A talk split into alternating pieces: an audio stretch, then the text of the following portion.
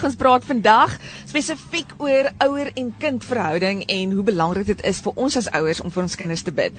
Nou, eh, Beneske, verlede jaar eintlik was jy besig met 'n gebedsreeks. Hoekom is jy so passievol oor gebed? Hi Anton Rochelle, dit is my so lekker om met julle kan gesels. Ja, weet jy, ek is geweldig passievol oor gebed.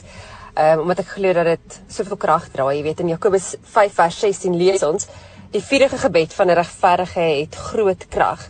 En jy weet vir jare lank skryf ek al stories van mense wat getuig eintlik dat gebed berge in hulle lewens geskuif het. Jy weet daar's soveel verskillende areas waaroor mense getuig, maar selfs in my eie lewe het ek al keer op keer gesien dat geloof en gebed situasies regtig radikaal kan verander. Hmm. Okay, maar hoe belangrik is gebed vir jou ehm um, vir jou kinders en hoe het jy dit in jou eie lewe dan toegepas? Die kinders is God se geskenk aan ons. Dis eintlik God se kinders. Ons het net die voorreg om hulle groot te maak. En ek dink wat ons ehm um, baie baie geraak is wanneer dit swaar gaan met hulle. Ja. Ek weet nie vir jou nie, maar wanneer of vir julle nie wanneer dit wanneer dit swaar gaan met my kinders dan voel dit vir my asof daai hierdie las amper op my is. Ja. Maar God kan werklik die grootste situasie kom omdraai die oomblik as ons begin te bid. Jy weet ek onthou daar was 'n luisteraar wat eendag vir ons 'n boodskap ingestuur het. Anton, ek dink dit was miskien ook ek en jy saam in die ateljee, kan nie onthou nie. En sy het vertuig hoe sy en haar suster vir jare lank verslaaf was aan dwelms en dit is regtig nou soos in meer as 10 jaar. Jy weet, soos regtig 'n lang tyd en hoe haar ma net aangehou het om te bid vir hulle. En ek onthou hoe sy getuig het en sy sê sy wil net vir ander mense en vir ander ma's aanmoedig om nooit op te hou bid nie, want vandag is sy heeltemal skoon van dwelms en sy en haar suster intedeel het saam 'n besigheid waar ander mense vir hulle werk. Ehm um, nog 'n ander ma wat eendag ingestuur het vir my 'n boodskap gesê het dat haar seun moet skool toe gaan elke dag en is in 'n bende getuisterde area en hoe sy net begin het om soggens voordat hy die huis verlaat dan sê sy vir hom nou gaan ons bid en ons gaan Jesus se bloed oor jou pleit mm.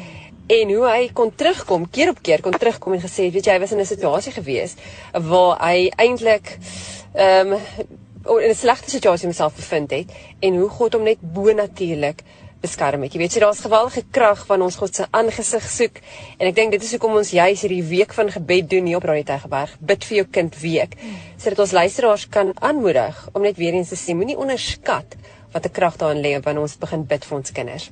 Beneske, kan jy 'n storie met ons deel waar jy al 'n wonderwerk beleef het, maar veral in jou eie lewe en jou kinders se lewens?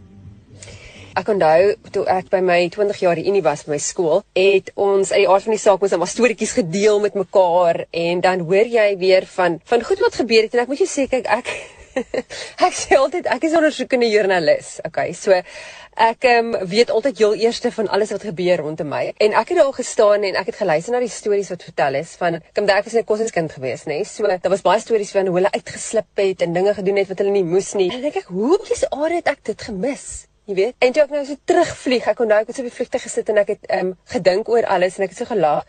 Ek dink hoe het ek dit gemis en ek besef toe net, maar weet jy wat? My ma was nog altyd 'n bidder vir ons en ek kan getuig dat daar gebeure heel moontlik vir my net beskerm het. Jy weet hoe ek nie eers bewus was van daai tipe van goeders nie. En ook in my eie lewe, jy weet my, kom ons maak dit lekker prakties. Dis 'n nuwe skooljaar en ek dink daar's baie ouers wat miskien dalk in 'n situasie is waar ek was. Ehm um, met beide my kinders het hulle na 'n skool toe gegaan uh, of ek moes hulle vat na 'n skool toe um, waar hulle niemand geken het. So hulle was op 'n punt waar hulle niks maatjies gehad het nie, weet daai soort van ding en, en dit dra nogal swaar op 'n mens se hart of dit rus swaar op jou hart as jy jou kinders gaan optaan en jy sê hoe was die dag gewees, jy maatjies gehad en dan sê hulle nee, daar was niemand wat met my wou speel nie, jy weet daai soort van ding. En ek het regtig daai na God toe gevat en ek het hom gevra asseblief iemand vir my help. Dis my erg, is my erg want jy jy dink nou later, "Jene, moet jy jou kind nou leer hoe om maatjies te maak of jy weet wat ook al die geval is." En ek kan nou getuig hoe God regtig radikaal ingegryp het en vir my kinders goeie maats gegee het. Ek dink die maats speel nogal 'n groot rol in 'n kind se lewe, jy weet. So, ek wil net almal aanmoedig in die begin van 'n nuwe skooljaar, of wat ook al die krisis is wat jy in hierdie stadium met jou kind in die gesig staar, jy weet. Miskien is daar iemand wat hulle self bevind in 'n situasie waar die kinders verkeerde vriende het.